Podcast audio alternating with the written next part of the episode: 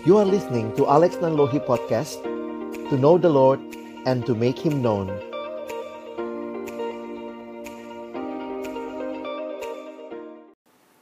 Baik teman-teman yang dikasihi Tuhan, mari sebelum kita membaca merenungkan firman Tuhan, kita berdoa. Kami datang dalam ucapan syukur sore hari ini. Terima kasih Tuhan, karena kami boleh datang beribadah, memuji, memuliakan namamu, dan tiba waktunya untuk kami membuka firman-Mu. Kami mohon ketika kami membuka firman-Mu, bukalah juga hati kami, jadikanlah hati kami seperti tanah yang baik, supaya ketika benih firman Tuhan ditaburkan itu boleh sungguh-sungguh berakar, bertumbuh, dan juga berbuah nyata di dalam kehidupan kami. Berkati baik hambamu yang menyampaikan firman, setiap kami yang mendengarkan, Tuhan tolonglah juga diskusi di antara kami, boleh makin menolong kami menghayati apa yang menjadi kehendakmu melalui firman yang akan kami pelajari. Waktu ke depan, kami persembahkan ke dalam tangan pengasihanmu di dalam nama Tuhan Yesus Kristus, Sang Firman yang hidup. Kami menyerahkan pemberitaan firman-Mu. Amin. Ya, shalom teman-teman sekalian. Saya bersyukur kepada Tuhan buat kesempatan ini. Boleh sharing firman Tuhan dengan adik-adikku dari PMK STMI. Dan kesempatan ini kita akan belajar sama-sama tentang pemuridan ya secara khusus dalam tema yang diberikan kepada kita kita akan melihat tentang discipleship movement ya abang coba siapkan satu presentasi buat kita dan ini juga uh, kesempatan untuk kita nanti bisa ada tanya jawab di akhir daripada sesi ini ya nah saya ingin mulai dengan mengajak kita memperhatikan bahwa di dalam kehidupan sebagai orang-orang percaya, maka kita adalah orang-orang yang mengikuti Yesus. Kita disebut juga orang Kristen. Nah, apa yang menarik kalau kita melihat istilah Kristen ya, what is the meaning of Christian? Nah, saya ingin mengajak kita memperhatikan bahwa sebenarnya di dalam Alkitab kita kalau kita pelajari, kita gali secara khusus perjanjian baru, istilah Kristen itu adalah istilah yang hanya muncul tiga kali. Ya, istilah Kristen hanya muncul tiga kali. Nah, jadi di dalam istilah yang lain yang bisa kita perhatikan ada istilah murid Kristus. Ya, nah kadang-kadang orang secara tidak sadar melihat ini seperti dua hal yang berbeda ya. Jadi pertanyaannya sama nggak artinya Kristen dengan murid? Jadi kita harus lihat ini Kristen atau murid. Nah, kira-kira seperti itu. Saya ingin sejak awal memberikan pemahaman ini buat kita untuk kita memahami apa artinya menjadi seorang Kristen, apa bedanya dengan murid, ya. Nah, saya ingin mengajak kita melihat tiga kali munculnya istilah Kristen di dalam Alkitab kita di Perjanjian Baru. Menarik kalau nanti teman-teman memperhatikan bahwa uh, kalau kita lihat di Alkitab terjemahan LAI memang sampai 6 atau 7 kali istilah Kristen, tapi sebenarnya dalam bahasa aslinya itu cuma muncul tiga kali. Ini muncul pertama di kisah Rasul pasal yang ke-11, ayatnya yang ke-26. Kisah Rasul pasal yang ke-11, ayat yang ke-26, teman-teman bisa melihat bersama-sama ya. Mereka tinggal bersama-sama dengan jemaat itu. Siapa mereka di sini? Yaitu Paulus dan Barnabas ya. Mereka tinggal bersama-sama dengan jemaat itu satu tahun lamanya. Sambil mengajar banyak orang. Di Antioquia lah murid-murid itu untuk pertama kalinya disebut Kristen. Nah, mari perhatikan sebentar. Kalau kita lihat istilahnya, Kristen di sini, maka teman-teman memperhatikan istilah ini nampaknya istilah yang bukan diberikan oleh orang Kristennya sendiri. Mereka bukan bilang dirinya Kristen, tapi perhatikan cara Alkitab menulis, mereka disebut Kristen. Jadi ada orang-orang lain yang memberikan nama ini kepada mereka yang ada di Antioquia pada waktu itu. Sehingga kalau kita perhatikan, nampaknya ini merupakan nama yang diberikan yang mungkin kemungkinan besar ini adalah sebuah ejekan. Jadi orang-orang yang hidupnya mirip seperti Kristus disebut Christian, Kristen. Ya. Nah, ini kan kita tahu kalau ada akhiran ian gitu ya. Kayak misalnya kalau kita tahu misalnya uh, mahasiswa binus disebutnya binusian gitu ya. Orang yang mirip Kristus, Christian gitu, Christian. Uh, dulu saya juga waktu pertama kali dengar agak geli juga ya. Orang-orang yang mirip pemikirannya dengan Gus Dur disebut apa? Gus Durian gitu ya. Jadi orang-orang yang punya pemahaman yang mirip dengan Gus Dur. Jadi sebenarnya ini nampaknya awalnya merupakan ejekan. Ah, hidupmu kayak Yesus, kayak Kristus, Kristian kamu ya. Nah, ini muncul di kisah Rasul 11 Pemunculan kedua munculnya di dalam kisah Rasul 26. Ketika Paulus ada di hadapan Raja Agripa, lalu kemudian jawab Agripa, hampir-hampir saja kau yakinkan aku menjadi Kristen. Jadi, dua kali pemunculan di kisah Rasul, dan kali yang ketiga dan kali yang terakhir itu muncul di kitab 1 Petrus. 1 Petrus 4 ayat 16. Tetapi jika ia menderita sebagai orang Kristen, maka janganlah ia malu, melainkan hendaklah ia memuliakan Allah dalam nama Kristus itu. Jadi, di tengah-tengah kondisi orang-orang Kristen mula-mula yang menderita, Petrus menyatakan hal ini. Kalau menderita karena Kristen, karena kamu ikut Kristus, karena nama Kristus, jangan malu tapi hendaklah ia memuliakan Allah dalam nama Kristus itu. Jadi teman-teman menarik sebenarnya kalau memperhatikan tidak ada istilah Kristen di dalam kitab Injil. Tidak ada istilah Kristen di dalam surat-surat Paulus. Nah, jadi pertanyaannya muncul begitu. Kalau demikian, apa istilah yang disebutkan untuk pengikut Yesus sebelum disebut dengan istilah Kristen? Apa namanya orang-orang yang ikut Yesus sebelum ada istilah Kristen? Iya, betul ya. Namanya murid, ya. Karena itu kalau kita melihat kata murid di dalam Alkitab adalah sebuah sebutan yang umum. Secara khusus di Perjanjian Baru untuk menunjuk kepada para pengikut Yesus sebelum mereka disebut dengan Kristen. Jadi, kalau kita coba menyimpulkan berkaitan dengan Kristen atau murid, sebenarnya bukan atau, tapi kalau kita perhatikan Kristen itu ya murid. Murid itulah yang disebut Kristen. Jadi ini bukan dua hal yang berbeda. Ya, saya harap kita memahami. Berarti setiap orang Kristen harusnya hidup sebagai murid. Setiap murid harusnya hidupnya mencerminkan Kristus yang hidup di dalam dia. Jadi ini sebenarnya identitas kita sebagai murid Kristus, our identity as Christ disciple. Jadi jangan dipisah-pisah ya, karena memang menarik sekarang tanpa kita sadari ketika pemuridan itu sepertinya hanya jadi program pemuridan dalam bentuk yang paling sederhana di kampus ada kelompok-kelompok kecil. Jadi ada seperti ada pilihan. Oh, Kristen ya. Oh, mahasiswa. Oh, kamu mahasiswa Kristen ya. Mau jadi murid nggak? Mau ikut pemuridan nggak? Mau ikut kelompok kecil nggak? Seolah-olah itu sebuah pilihan. Bolehkah jadi Kristen tanpa jadi murid? Kalau kita pelajari akar katanya, seperti yang abang baru jelaskan, nggak demikian. Kristen ya murid, murid ya Kristen. Maka semua orang Kristen harusnya jadi jadi murid.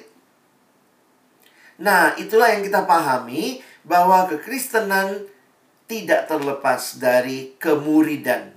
Ya, Christianity without discipleship is always Christianity without Christ. Karena ini terkait, ini bukan hanya bicara satu bagian tapi keseluruhan bagiannya. bahwa kekristenan dan murid merupakan hal yang menyatu, ya. Nah, teman-teman, ini kutipan dari Dietrich Bonhoeffer, ya. Sekali lagi Christianity without discipleship is always Christianity without Christ. Nah, mari kita fokus melihat apa sih juga yang menjadi fokus pelayanan Yesus. Di akhir pelayanannya sebelum Yesus kembali ke surga, maka kita melihat ayat yang terkenal ini. Matius 28 ayat 19 dan 20.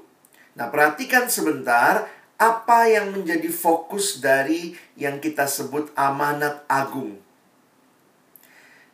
Karena itu, pergilah Jadikanlah semua bangsa muridku dan baptislah mereka dalam nama Bapa dan Anak dan Roh Kudus dan ajarlah mereka melakukan segala sesuatu yang telah kuperintahkan kepadamu dan ketahuilah aku menyertai kamu senantiasa sampai kepada akhir zaman. Teman-teman, istilah amanat agung sebenarnya menjadi istilah yang penting dalam bahasa Inggris dipakai istilah the great commission Sebenarnya kalau kita bicara amanat, itu artinya perintah.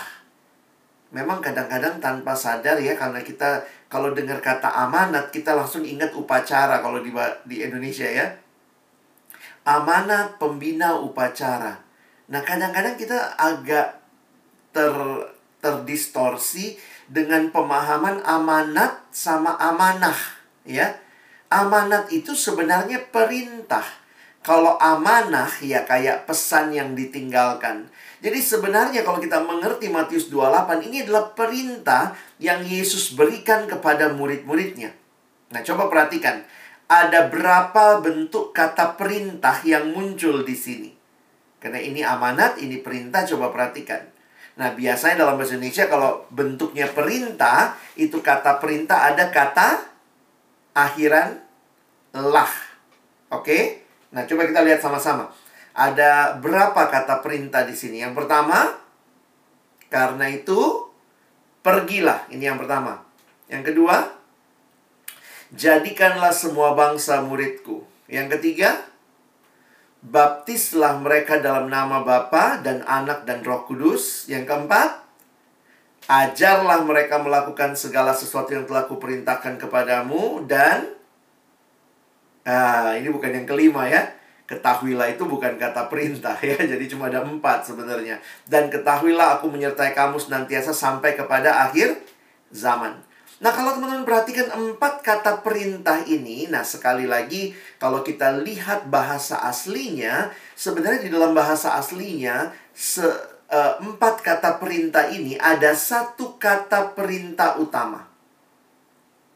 Jadi dalam bahasa Yunani kalau kalian mengerti bahasa asli Alkitab Perjanjian Baru ada satu kata perintah utama dari empat kata perintah ini ada satu sebenarnya yang lebih utama sehingga yang lain juga adalah kata perintah yang sifatnya memberi keterangan.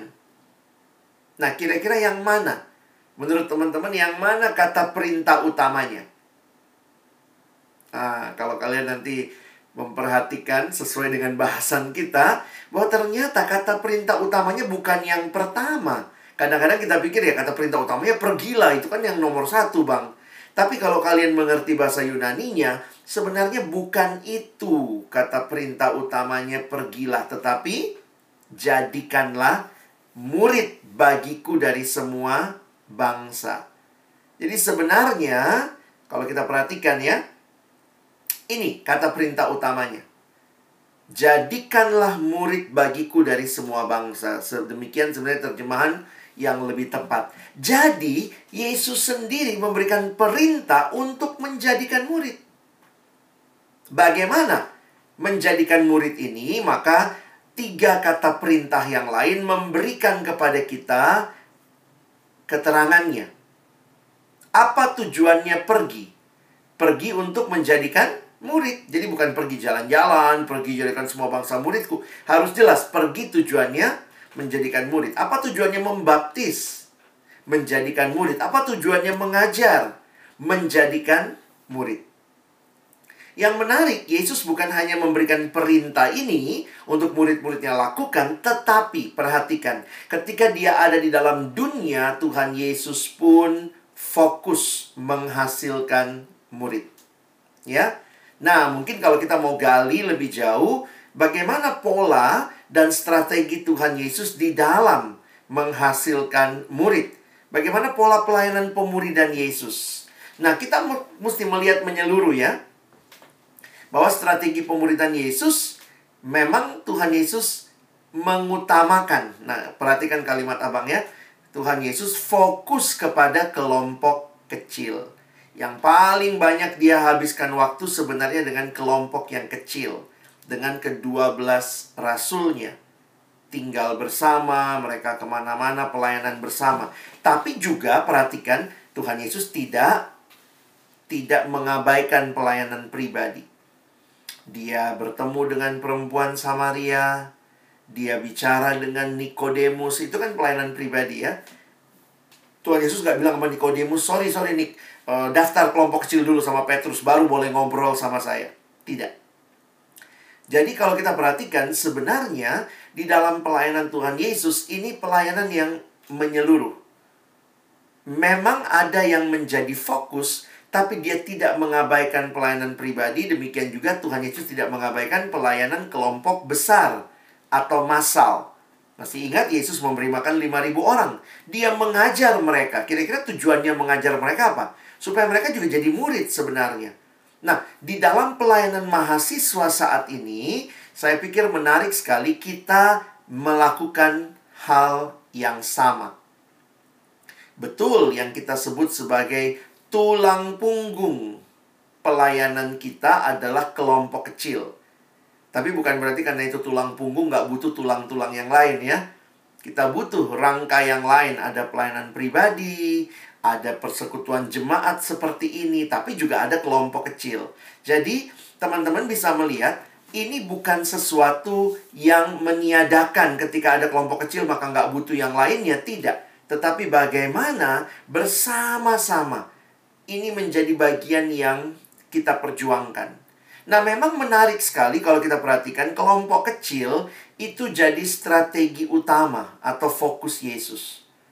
Dari mana kita bisa bilang itu fokusnya, itu strategi utama? Ya, lihat aja bahwa Yesus menghabiskan waktunya sebagian besar dengan murid-muridnya.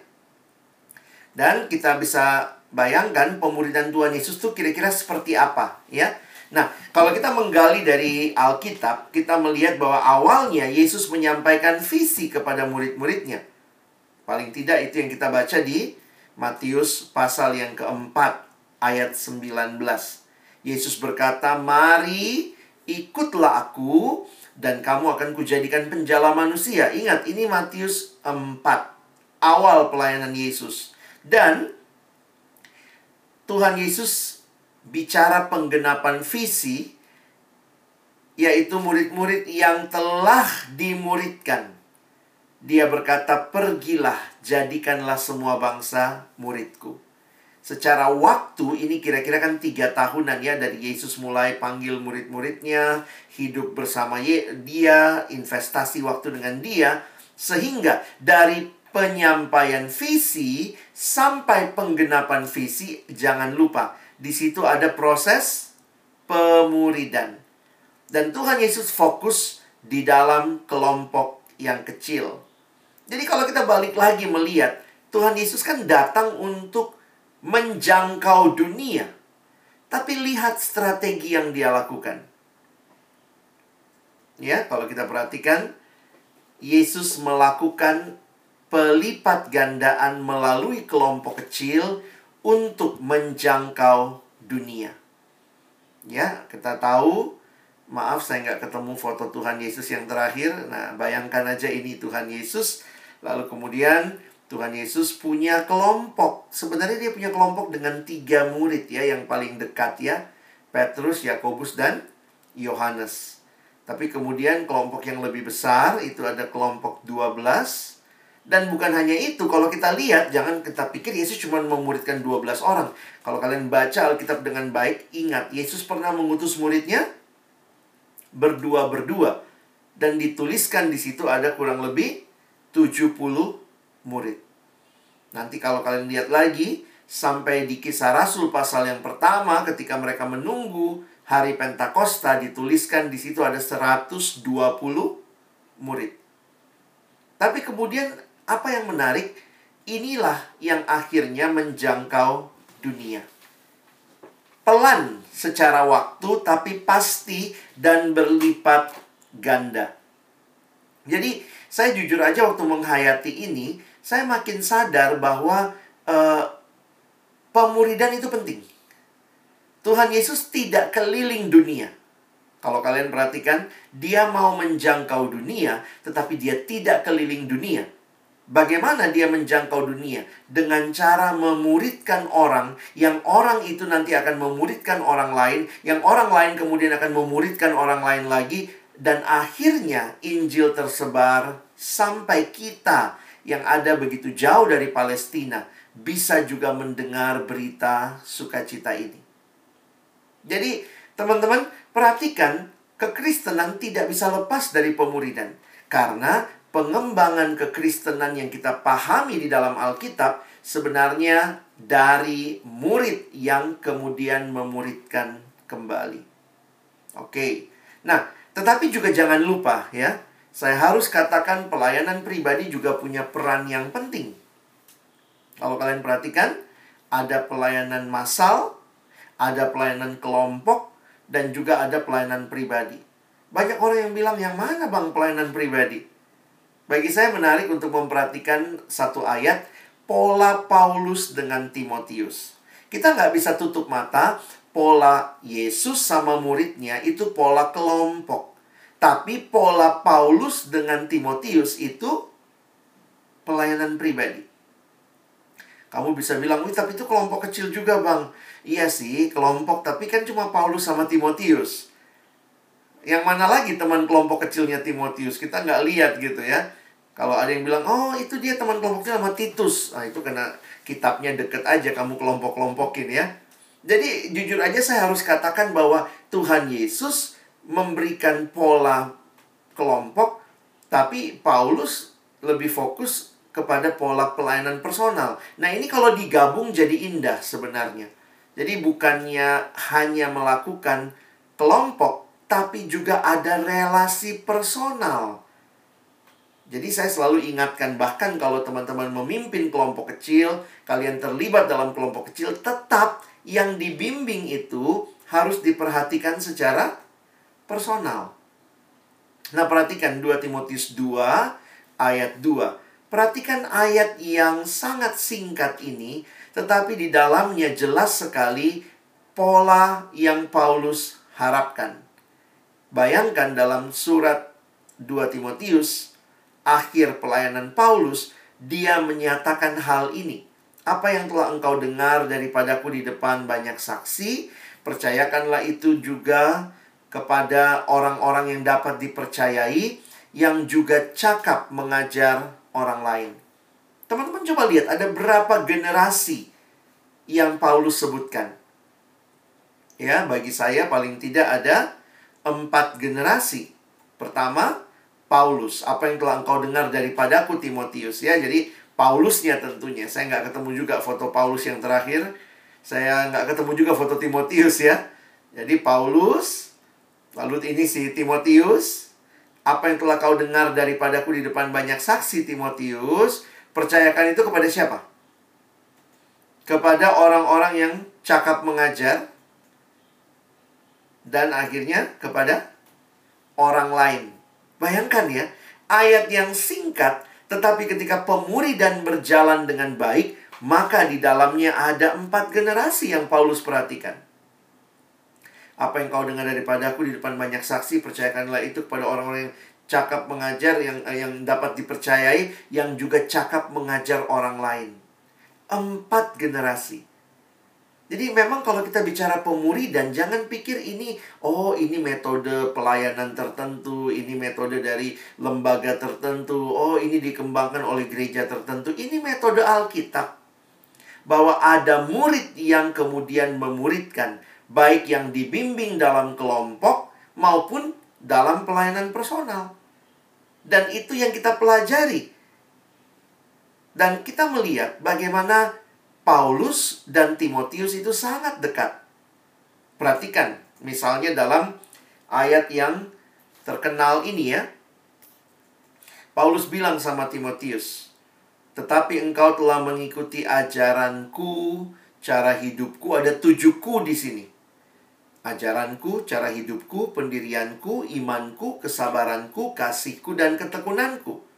Dan bukan hanya itu, Paulus ngajak Timotius, makanya dia bisa bilang begini, engkau telah ikut menderita penganiayaan dan sengsara seperti yang telah kuderita di Antioquia dan di Iconium dan di Listra.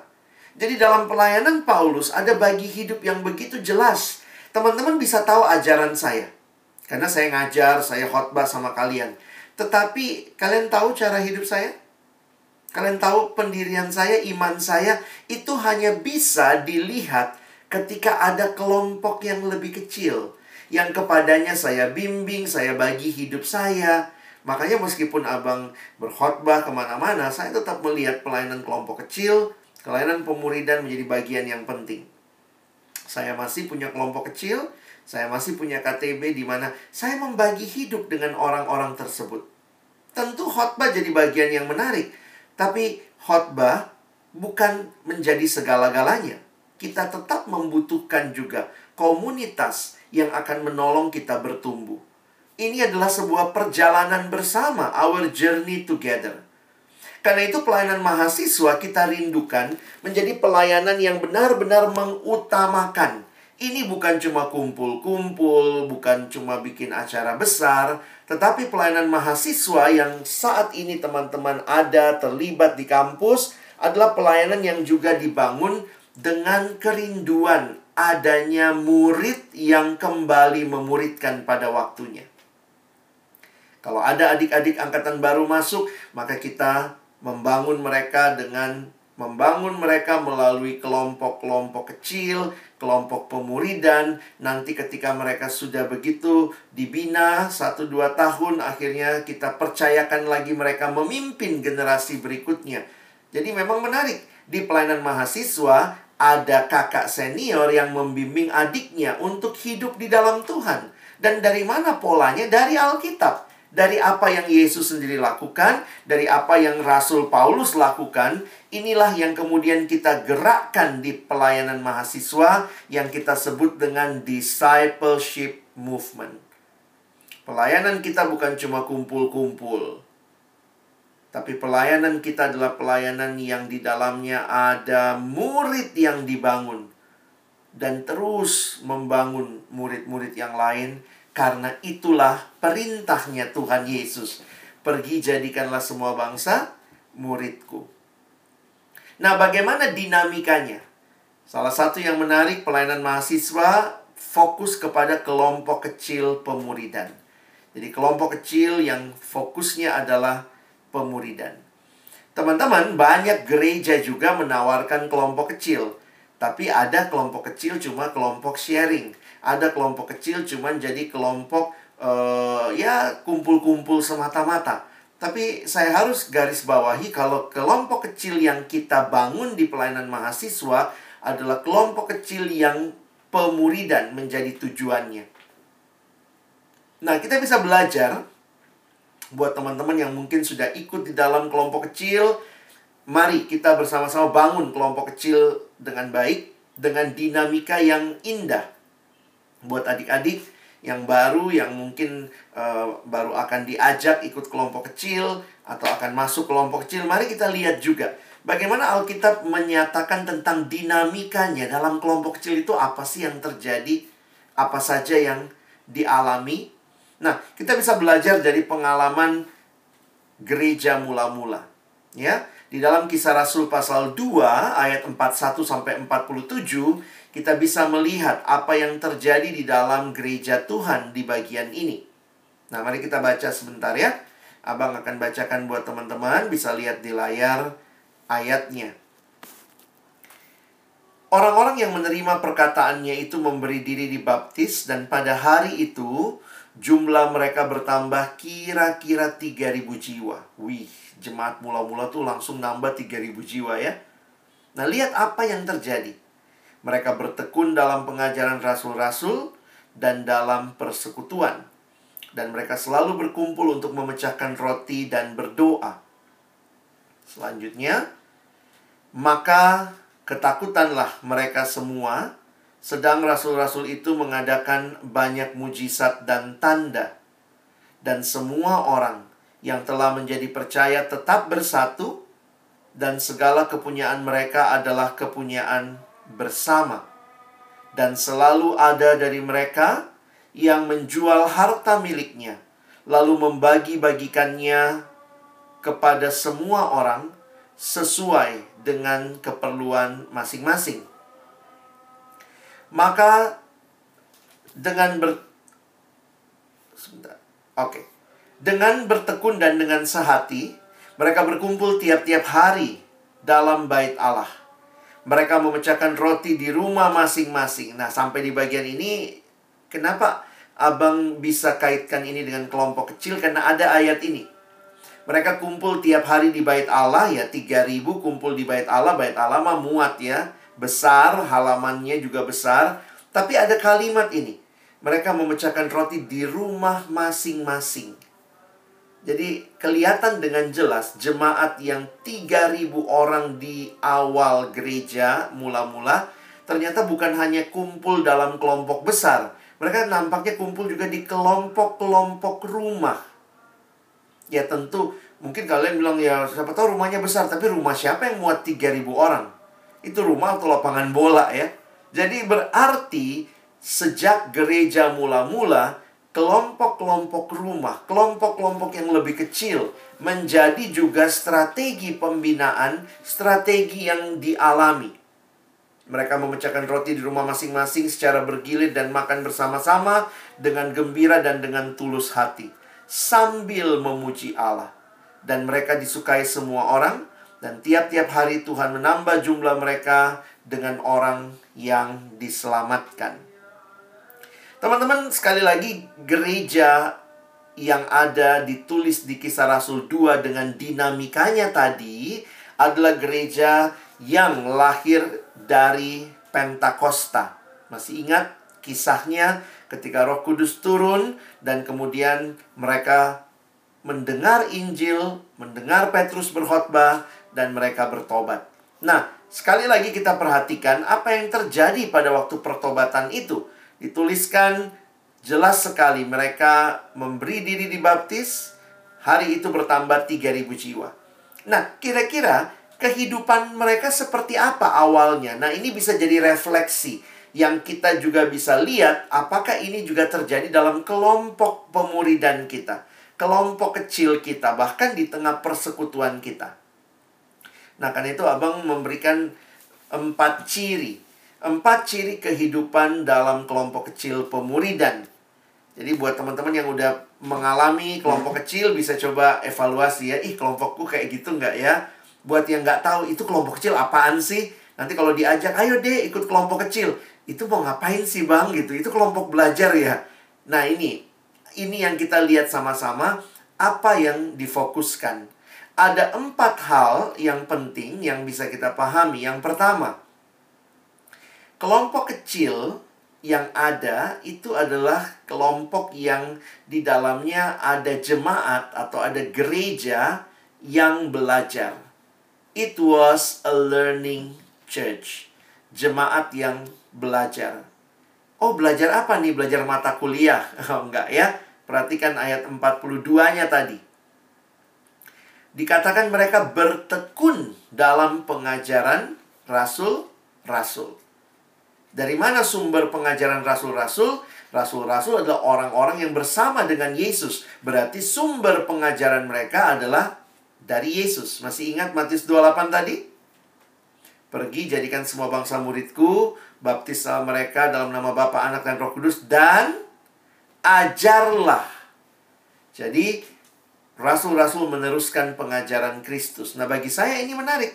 Untuk kalian perhatikan bahwa di dalam kelompok kecil makanya fokus kita kalau bahasa Inggris pakai istilah devoted ya. They devoted themselves. Mereka mengkhususkan diri mereka untuk belajar di apostle teaching. Di dalam kelompok kecil, salah satu bagian pentingnya adalah belajar firman Tuhan. Jadi, teman-teman, ini kerinduannya untuk belajar firman, tapi bukan cuma belajar firman Tuhan, tetapi juga ditolong untuk melakukan firman. Nah, jadi kalau teman-teman bisa perhatikan dalam kelompok kecil apa unsurnya ini salah satunya ada pengajaran. Mungkin kalau kita pakai gambaran anak panah dari Tuhan kepada kita. Jadi ini kira-kira gambarnya gini ya, dari Tuhan kepada kita. Nah, itulah pengajaran. Tapi bukan hanya itu, perhatikan juga ini adalah kelompok atau jemaat atau gereja yang menyembah. It was a worshiping church. Dari mana kita lihat itu? Masih di ayat 42 tadi. Mereka bertekun dalam pengajaran rasul-rasul dan dalam persekutuan dan mereka selalu berkumpul untuk apa tujuannya ngumpul? Perhatikan, memecahkan roti dan berdoa. Memecahkan roti, jika kita ingat ini kaitannya dengan perjamuan kudus. Dalam perjamuan kudus apa yang kita ingat? Kita mengingat pengorbanan Kristus. Jadi mereka mengarahkan hati kepada Kristus. Mereka berdoa. Jadi kalau tadi panahnya dari atas ke bawah, pengajaran itu dari Tuhan kepada kita, maka penyembahan bicara dari kita memuliakan Tuhan, mengingat Tuhan, beribadah kepada Tuhan, panahnya ke atas. Jadi ini hubungan yang vertikal. Nah, sama seperti gambar ini ya. Ada yang membuat gambar ini bernama Bapak Dawson Trotman. Dawson Trotman memberikan gambar ini untuk menggambarkan kehidupan orang Kristen yang taat. Dia mengatakan ini sebagai ilustrasi roda. Sama seperti roda ya, makanya disebut ilustrasi roda. Roda itu yang muter apanya, teman-teman? Porosnya. Jadi bayangkan kalau di pusat hidup ada Kristus, itulah yang akan menggerakkan seluruh hidup kita.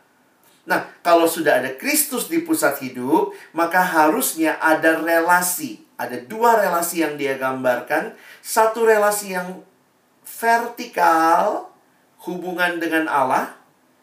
Satu relasi yang hori, horizontal. Nah, kayak tadi ya. Allah kepada kita yang memberikan pengajaran dalam firman. Kita kepada Allah dalam penyembahan. Dia melalui juga doa, ibadah gitu ya. Jadi lihat, makanya dari kecil kita udah ngerti ya gimana bertumbuh adik-adik. Baca kitab suci, doa tiap hari. Nah, kita alami itu.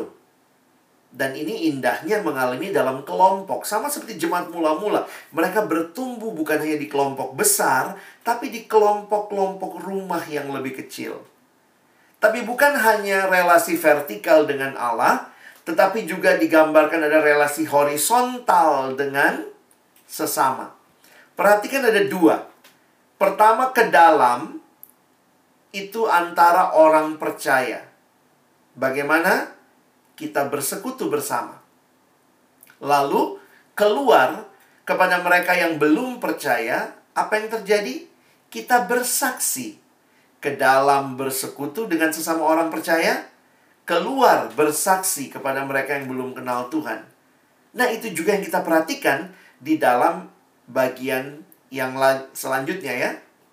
Jadi bukan cuma jemaat yang belajar, bukan cuma jemaat yang menyembah, tapi ini juga jemaat yang mengasihi yang kita pelajari dalam kisah Rasul 2 ini. It was a loving church. Panahnya bagaimana? Nah, ini panahnya ke dalam, ya. Perhatikan ayat 42 lagi. Mereka bertekun dalam pengajaran rasul-rasul dan dalam persekutuan. Dan mereka selalu berkumpul. Dan ini menarik sekali dilanjutkan di ayat yang ke-44 dan semua orang yang telah telah menjadi percaya tetap bersatu.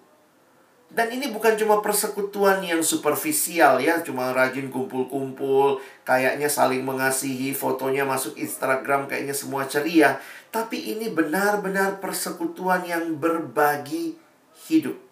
Perhatikan kalimatnya. Dan segala kepunyaan mereka adalah kepunyaan bersama. Dan selalu ada dari mereka yang menjual harta miliknya lalu membagi-bagikannya kepada semua orang sesuai dengan keperluannya masing-masing. Ini menunjukkan ada kepedulian waktu dia lihat saudaranya kekurangan kalau dia punya, bahkan dia rela jual supaya membangun dan membantu sesamanya. Di dalam kelompok kecil kita bersyukur ada kesempatan sharing, kita bisa tahu pergumulan teman kita. Memang sih ya sesama mahasiswa kadang-kadang kita nggak bisa bantu duit ya. Tapi kita bisa dengarkan, kita bisa doakan. Kalaupun bisa bantu lebih dari itu juga puji Tuhan ya. Jadi perhatikan, ini unsur-unsur yang kita rindukan ada di dalam kelompok-kelompok kecil. Perhatikan ayat 46. Mereka memecahkan roti di rumah masing-masing secara bergilir. Apa bedanya memecahkan roti di ayat 46 ini dengan ayat 42? Sama-sama istilahnya memecahkan roti. Tapi kalau kalian lihat di ayat 42 tadi, memecahkan rotinya berkaitan dengan perjamuan kudus. Dan sementara di ayat 46, memecahkan rotinya berkaitan dengan perjamuan kasih. Wah, jadi ini menarik ya. Bukan cuma uh, perjamuan kudus yang terjadi, tapi juga perjamuan kasih. Makan-makan itu rohani kok, ya Makanya dalam kelompok kecil biasanya juga kita berbagi, makan bersama ya. Kita uh, saling merayakan kalau ada yang ulang tahun. Ini menjadi bagian yang indah sebenarnya meniru apa yang ada di dalam jemaat. Lalu jangan lupa yang tadi Abang bilang ya, mereka kumpul di bait Allah berarti ada persekutuan besar tapi juga punya kelompok-kelompok kecil. Dan terakhir, mereka adalah jemaat yang bermisi. Masih ingat? Ke dalam dengan sesama orang percaya bersekutu, keluar bagi mereka yang belum percaya, kita bersaksi. Maka arah panahnya keluar. Di mana ayatnya? Perhatikan yang kita baca tadi ya.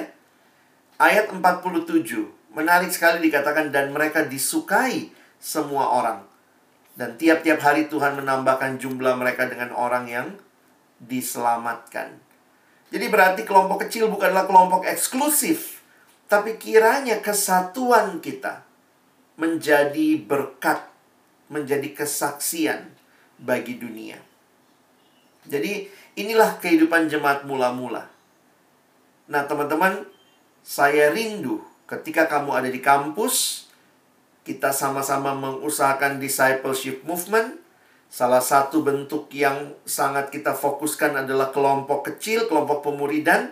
Ya kita tahu, kita adalah sebuah komunitas. Saya senang dengan istilah yang digunakan oleh Eugene Peterson, seorang teolog dia katakan, kita adalah sebuah komunitas. Kita tidak pernah bisa hidup sendiri dan bagi diri sendiri. Kita dilahirkan dalam komunitas, kita tinggal dalam komunitas, kita meninggal dalam komunitas. Natur manusia bukanlah hidup menyendiri. Karena apa? Ya Allah yang menciptakan kita, Allah yang menciptakan kita juga untuk saling mengasihi di dalam komunitas. Masih ingat kejadian 2 ayat 18? Tidak baik kalau manusia itu seorang diri saja. Ini bukan ayat pacar-pacaran aja teman-teman ya. Tapi ayat ini menunjukkan hakikat kemanusiaan yang dicipta Allah. Jadi bayangkan setelah Allah menciptakan semuanya dia katakan baik, baik, baik, sungguh amat baik. Maka kejadian 2 ayat 18 langsung muncul kata tidak baik. Jadi ini pertama kali muncul kata tidak baik di Alkitab kita. Apa yang tidak baik? Tidak baik kalau manusia itu seorang diri. Jadi, ini menunjukkan bahwa manusia selalu membutuhkan manusia lainnya. Teori manusia makhluk sosial itu bukan cuma teori sosiologi, itu prinsip Alkitab. Di mana kita selalu membutuhkan manusia lain. Makanya John Stott mengatakan, sebagaimana ikan dibuat untuk air, umat manusia dibuat untuk kasih. Untuk apa? Untuk mengasihi Allah, dan mengasihi sesama. Mari bangun kehidupan di kelompok kecil di kampus kita menjadi kehidupan yang benar-benar bertumbuh jadi murid yang kemudian terus memuridkan dari setiap generasi ke generasi berikutnya. Tuhan menolong kita bukan cuma jadi pendengar, tapi juga jadi pelaku-pelaku firman-Nya. Amin.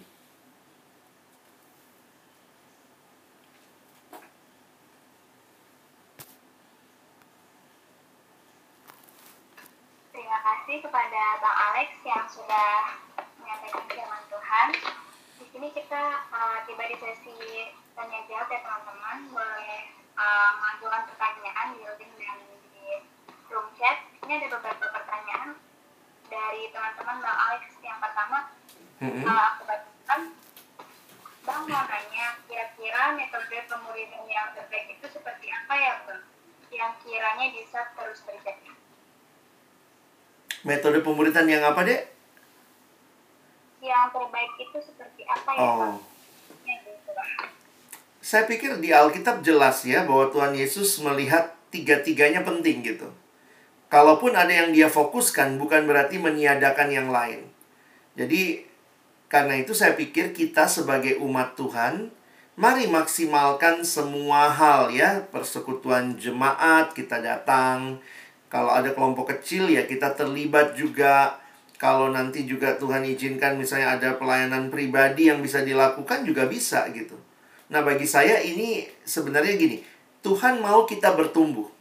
Tuhan mau kita jadi murid. Nah, apa yang dia berikan bagi kita? Ada tiga hal yang Tuhan kasih. Pertama, dia berikan rohnya yang kudus. Diam di hati kita yang percaya. Yang kedua, Tuhan kasih Alkitab, firman Tuhan. Tapi yang menarik, yang ketiganya, itulah yang kita bahas hari ini. Tuhan memberikan komunitas untuk kita bertumbuh.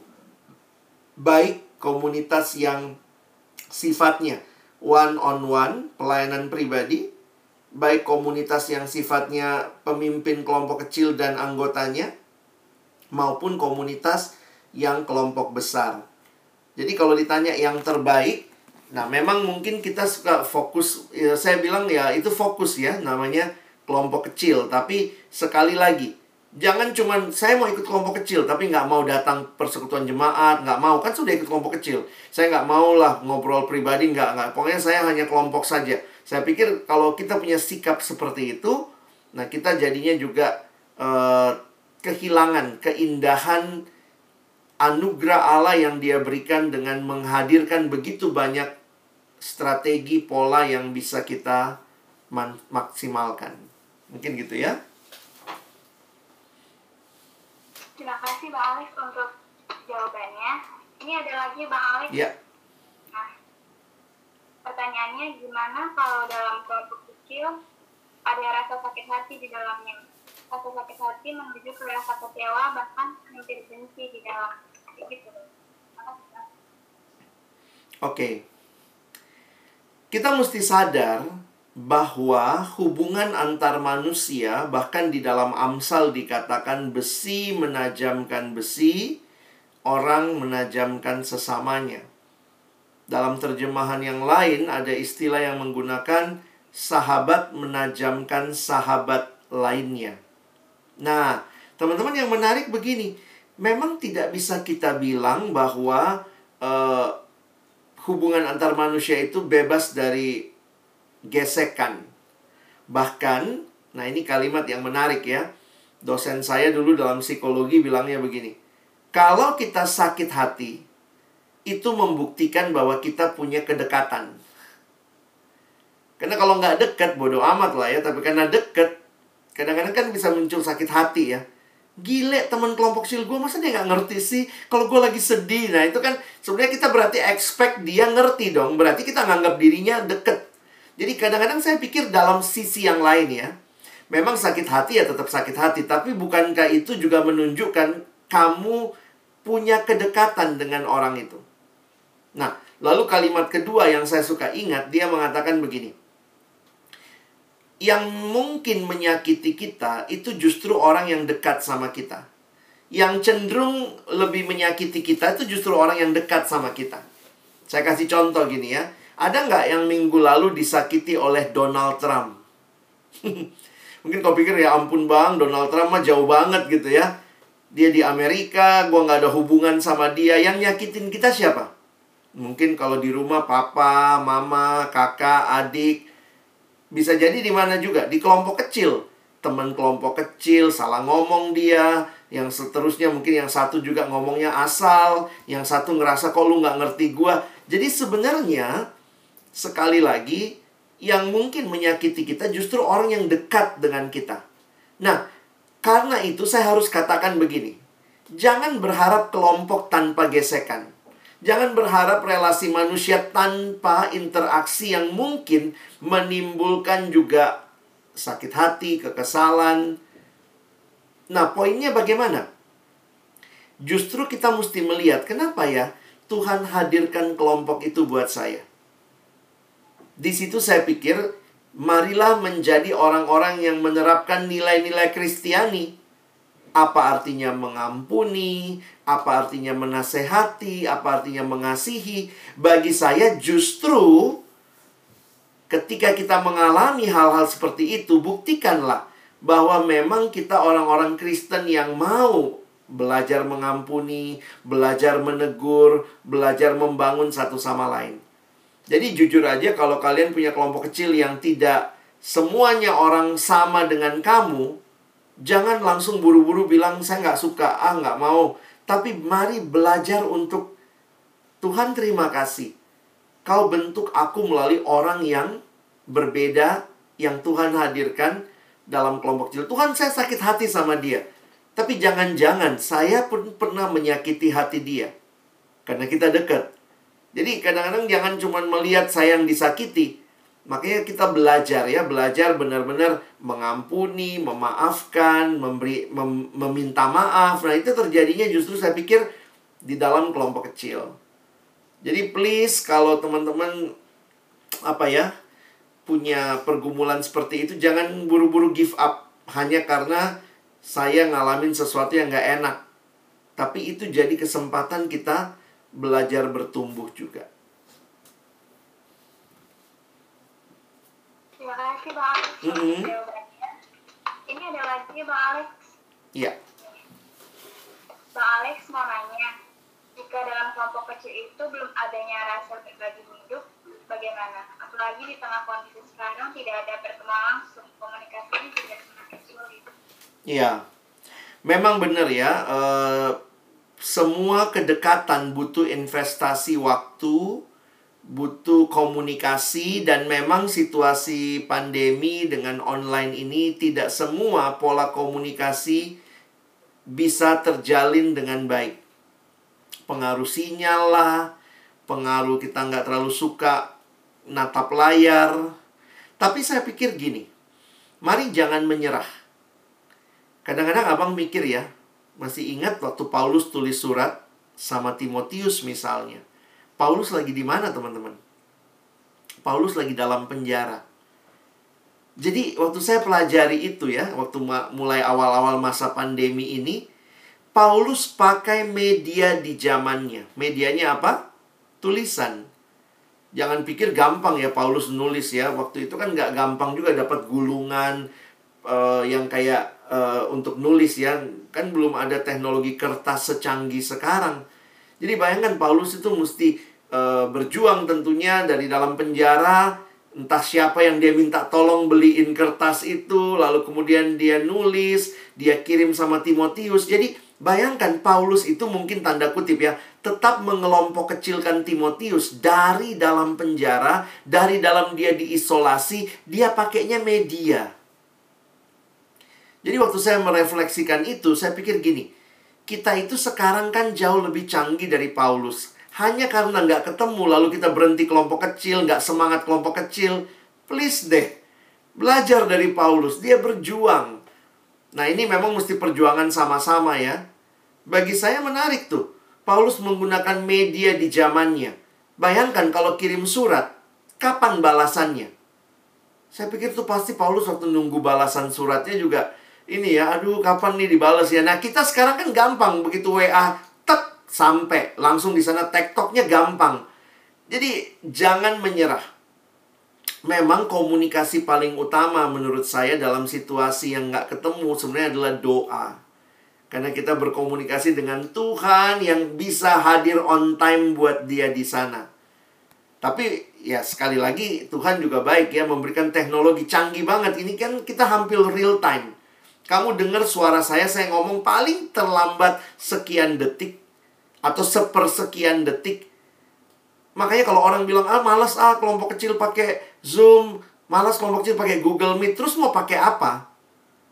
Kalau Paulus aja berjuang pakai surat, ayolah kita yang dikasih teknologi ini please gitu ya kita maksimalkan kelompok kecil kelompok kecil yang lagi nggak jalan ayo jalan lagi kalau memang masih belum bisa ketemu ya paling nggak kita zoom sama-sama kita Google Meet bareng gitu ya kita WhatsApp call kita bangun karena itu sesuatu bukan bukannya uh, jangan langsung nyerah. Begitu pandemi semua kedekatan tidak ada karena apa? Kita ada social distancing nggak ketemu gitu ya. Ayo semangat gitu. Jadi saya menantang nih PKK-PKK-nya yang kadang-kadang harus berjuang. Karena memang dalam realita gitu ya, PKK berjuang, AKK jadi ikut kan. Atau jangan-jangan ada juga AKK yang berjuang, PKK-nya males gitu ya. Nah itu kira-kira nasihat abang buat teman-teman ya. Makasih Bang Alex. Ini mm -hmm. ada lagi pertanyaan. Nah, uh, Bang, kira-kira bagaimana cara kita menanggapi suatu kegiatan yang orang lain suka tapi kita tidak suka? Hmm. Ada contohnya nggak ya? Maksudnya kenapa kira-kira ada apa ya pertanyaan di balik pertanyaan itu? Uh, Eki, boleh dijelasin pertanyaannya? Oh iya. Uh, Gimana deh? Uh, bang jadi gini, gini ya bang pertanyaannya. Jadi uh, cara menanggapi suatu hal itu uh, maksud saya adalah uh, ketika contoh ya misalkan dalam hmm. suatu kegiatan ada kegiatan misalkan saya kasih contoh aja nih um, misalkan kegiatan pesta lah ya kita ambil simpelnya aja pesta hmm. nah misalkan pesta ini uh, diwajibkan kita diwajibkan harus ikut oke okay. nah, nah otomatis orang lain suka tapi uh, saya sendiri saya sendiri secara pribadi itu nggak suka tapi diwajibkan ikut nah itu gimana tuh apa yang harus hmm. kita apa, tanggapan kita harus bagaimana bang oke okay. Tentu ada banyak hal dalam hidup yang kita perlu pahami ya di belakang itu ada apa kenapa diwajibkan bagi saya juga kadang-kadang mesti mikir ya bahwa tidak semua yang diwajibkan itu sebenarnya tidak baik justru mungkin diwajibkan karena itu dianggap baik, tapi kita tahu orang tidak akan ikut dengan keinginannya sendiri. Sebenarnya saya kasih contohnya begini ya. Seiring kamu makin dewasa, harusnya kamu bisa melihat mana yang penting, mana yang kurang penting. Kalau anak kecil disuruh milih mau makan coklat atau makan nasi, mungkin dia akan milih makan coklat ya enak gitu ya tapi itu kan nggak ada gizinya untuk anak dalam masa pertumbuhan sehingga dia harus makan nasi harus makan sayur nah jadi orang tua yang care sama anaknya mungkin akan mewajibkan kadang-kadang pakai hukuman nggak makan nasi nggak boleh nggak boleh keluar nggak boleh main anak tuh pasti nggak suka digituin tapi kalau anak itu bisa melihat lebih jauh. Nah, makanya memang ini seiring dia bertumbuh, hal-hal yang diwajibkan, lama-lama dia akan ngeliat, pantas diwajibkan ya, karena mama saya mau saya bertumbuh. Nah, mungkin di sinilah kan teman-teman kan sudah dewasa ya, belajar juga untuk melihat lebih jauh daripada sekedar gile.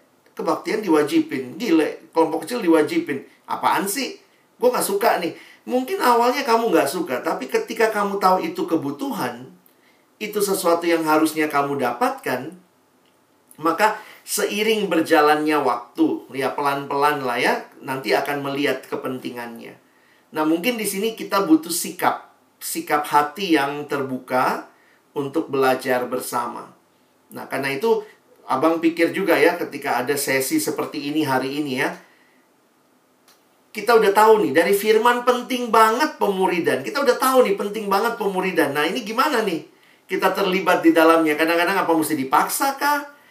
Tapi ya cari cara lah.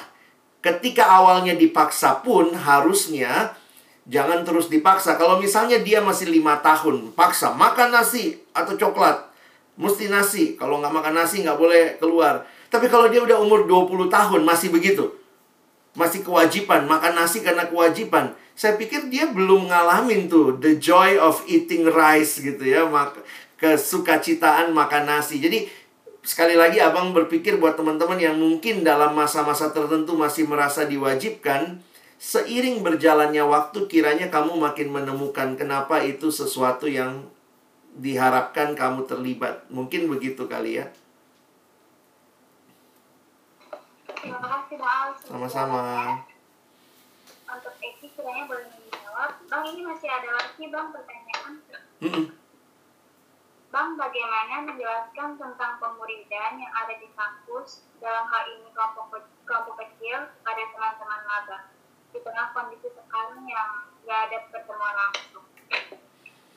Ya sekali lagi buat saya nggak ada nggak ada nggak ada masalah dengan tidak ada pertemuan langsung sebenarnya ya. Kalau kita mau membina orang, mau dibina, mau bertumbuh dalam Tuhan, mau pakai surat ke, mau pakai WhatsApp ke gitu ya. Tentu ada yang hilang. Tapi kan kita nggak bisa mengeluh terus, aduh nggak enak nih online, aduh nggak enak nih online. Kalau saya lebih melihat sebaliknya, apa yang bisa dengan online? Jangan pikir apa yang nggak bisa. Justru apa yang bisa itu yang kita maksimalkan. Nanti kalau suasana sudah normal gitu ya, kita bisa ketemu tatap muka, kiranya melengkapkan apa yang sudah kita saat ini alami. Ada yang sampai ngomong begini juga ya, nggak tahu teman-teman bisa refleksikan. Sebenarnya Tuhan kita itu online juga ya, tanda kutip. Ada yang pernah lihat Tuhan langsung? Tapi kita kan tetap bertumbuh, tetap kita rindu kenal Dia gitu ya. Nah, sehingga saya pikir mari berjuang sama-sama dalam kelompok-kelompok kecil untuk juga uh, memaksimalkan apa yang bisa dengan online. Jadi uh, coba ya, coba uh, mulai buat teman-teman angkatan baru jangan jangan ini juga ya.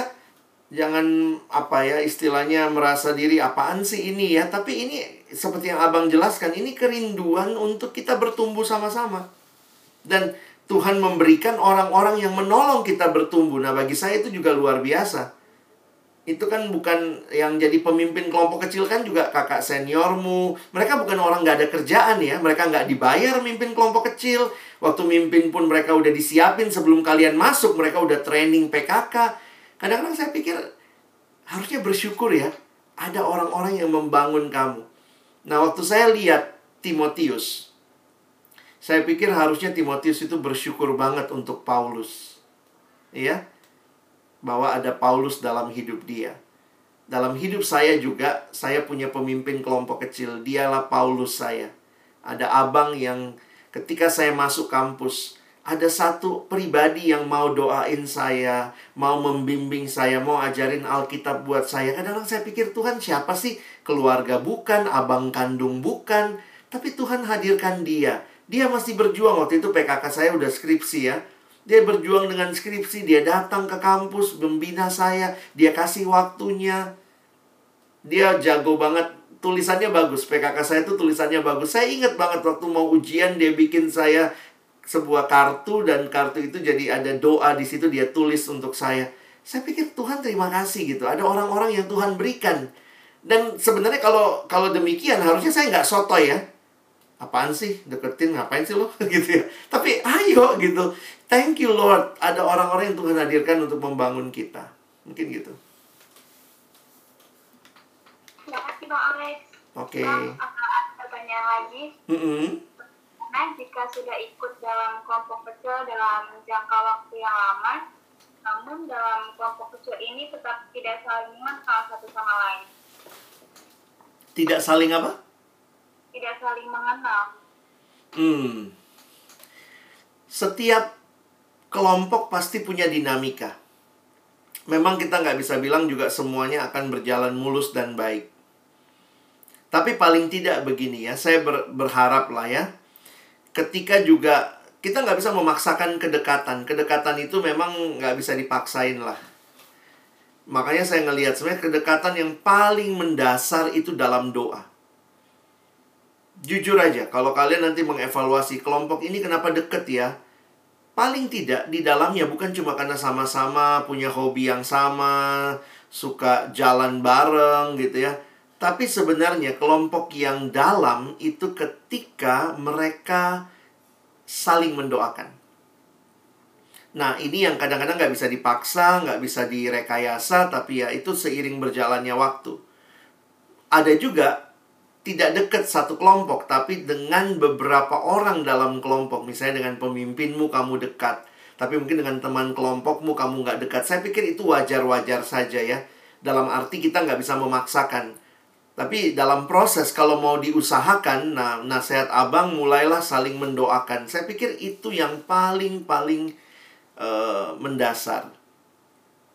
Um, saya pun punya beberapa kelompok yang pernah saya pimpin. Saya juga sadar gitu, ada kelompok yang sangat akrab, sangat dekat, ada kelompok yang biasa-biasa aja. Dan itu yang saya bilang ya, pokoknya poin kita adalah kita usahakan. Sejauh yang bisa kita usahakan ya puji Tuhan. Teman-teman saya ikut kelompok kecil dari SMA, kelas 1. Itu kira-kira eh, hampir 30 tahun yang lalu lah ya.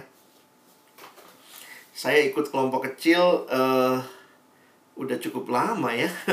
Nah, yang menarik teman-teman, believe it or not gitu ya. Sampai sekarang kami masih punya uh, kelompok kecil, uh, sorry, masih punya WA group kelompok kecil SMA saya. Yang di dalamnya uh, ya kita terbiasa tuh saling mendoakan sampai hari ini.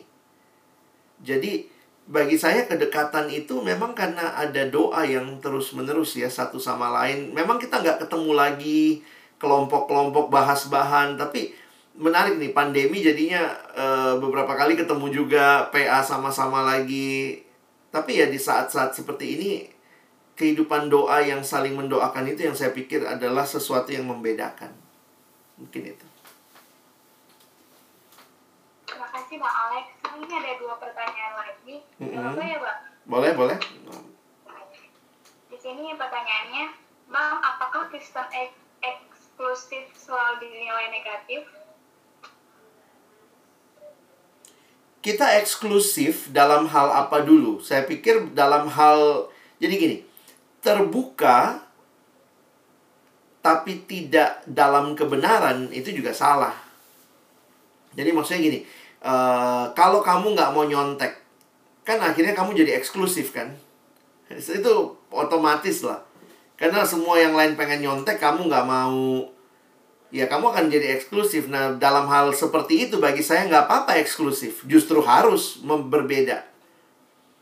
Tapi dalam pergaulan, saya pikir harusnya kita bisa bergaul sama siapa aja. Cuma ketika diminta ikut pergaulan model tertentu yang nggak sesuai firman, ya belajar untuk eksklusif jangan kompromikan nilai-nilainya. Jangan supaya diterima ya sudahlah nggak apa-apa lah saya ikut seperti yang teman saya lakukan.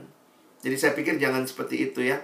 E, belajarlah eksklusif dalam kebenaran tapi terbuka dan e, menyenangkan buat orang di banyak hal yang lain. Memang ini seperti paradoks. Karena begitu kamu eksklusif dengan kebenaran, tidak mau ikut kompromi, biasanya kamu dijauhin. Saya kasih contoh pengalaman abangnya. Waktu saya masuk kampus memang nggak mudah juga. Saya anak daerah datang ke Jakarta takut banget nggak punya teman. Jadi awal-awal itu saya waktu belum terlalu serius dengan kekristenan saya. Walaupun saya udah bertobat waktu SMA, tapi begitu masuk kuliah, kayak ketakutan nggak punya teman Nah, lalu kemudian tanpa sadar gitu ya, dan sadar juga sih, mulai uh, saya nggak nyontek, tapi saya ngasih teman-teman saya contekan. Jadi kalau ujian itu mereka tahu gitu, wah ini nih Alex bagi dong gitu ya. Awal-awalnya tuh saya merasa ya supaya saya diterima oleh mereka, ya udahlah saya bantu mereka. Tapi salahnya bantunya dalam ujian gitu. Nah ketika saya mulai serius dibina di kelompok kecil, saya punya tekad tuh. Saya bilang saya nggak mau nyontek dan itu kemudian saya nggak bisa langsung bilang sama teman-teman saya kan jadi aneh tiba-tiba saya nggak mau nyontek siapa lu gitu ya nah saya ingat saya punya satu teman baik nah teman baik saya ini sering main ke kosan dia juga biasa nyontek gitu. Tapi waktu saya mulai bertobat, saya bilang sama dia, Andre, namanya Andre ya, saya nggak mau lagi nyontek, Andre. Nah, dia nggak seiman dengan kita ya. Waktu saya bilang saya nggak mau nyontek segala macam, terus dia bilang ah dasar lu pendeta gitu ya. Sampai sekarang dia manggil saya pendeta gitu. Uh, ya udah, saya bilang tapi itu prinsip gua gitu. Nah, waktu ujian, ketika teman-teman nyuruh saya duduk di tengah, Lex duduk sini gitu ya. Saya diem gitu, saya nggak berani ngomong. Tapi justru yang ngomong sih teman saya nih. Udahlah, dia mah pendeta, nggak mau dia tuh gitu ya. Akhirnya saya bilang sama teman-teman saya, saya bakal bantu kamu di luar ujian. Saya no, problem, kita belajar bareng di luar ujian, saya bantuin. Tapi kalau dalam ujian, sorry. Nah, akhirnya apa yang terjadi? Saya agak dijauhin uh, dijauhin karena dibilang sok suci lah, sok pendeta. Tapi saya pikir itu itu hal yang benar. Jadi saya tetap aja nggak apa-apa. Kamu bilang begitu nggak masalah. Tapi saya tetap punya kualitas. Catatan saya di kelas karena saya rajin masuk, saya rajin duduk di depan. Karena saya tahu banget, saya tuh anaknya suka main. Kalau saya duduk di belakang, saya ikut teman-teman saya main bingo gitu ya. Dulu zaman-zaman kami main bingo gitu ya. Nah, akhirnya saya duduk di depan sama teman-teman. Jadi catatan saya lengkap. Nah, yang menarik setiap kali mau ujian yang tadinya pada kesel sama saya, kalau mau ujian tuh semua pada datang, ya Alex, baik-baikin gitu ya. Kenapa? Mau pinjam catatan. Catatan saya sampai jadi master di fotokopian gitu ya. Jadi akhirnya saya belajar prinsipnya begini. Kalau saya eksklusif dengan kebenaran, karena memang itu kebenaran, saya nggak boleh kompromi. Tetapi ketika saya mau disenangi oleh orang lain, sebenarnya saya bisa bantu mereka menunjukkan itu melalui kualitas saya. Saya belajar dengan rajin, saya mencatat dengan baik. Jadi ada saatnya mereka akan datang cari saya. Mungkin sekarang kamu jauhin saya, lu bilang gue sok suci. Tapi waktu lu pinjem catatan, gue juga nggak bilang, oh sorry ya, gue nggak kasih. Saya justru, yuk ini, belajar baik-baik.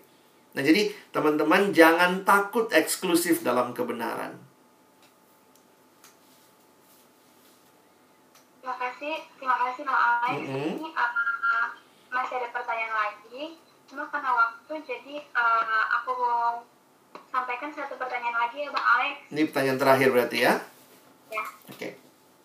Bang mau nanya gimana kita sebagai PKK nanti menggerakkan mereka untuk kelompok kecil, apalagi di masa online. Apalagi kakak ini masih baru, belum hmm. saling kenal, takutnya mereka nggak nerima tidak ada dari kita yang expert dalam kelompok kecil online ya karena ini semua baru pertama kali kita ngalamin kayak gini abang nggak punya pengalamannya kalian nggak punya pengalamannya karena itu abang pikir begini mulailah dengan mencoba jangan terlalu takut dengan nanti gimana nanti nggak akrab nanti apa coba dulu lah ya cobanya gimana ya cobalah seperti layaknya misalnya uh, jadi gini loh teman-teman ya. Saya pikir beberapa perusahaan di masa-masa uh, online begini banyak juga tuh yang cari kerjanya di interviewnya online.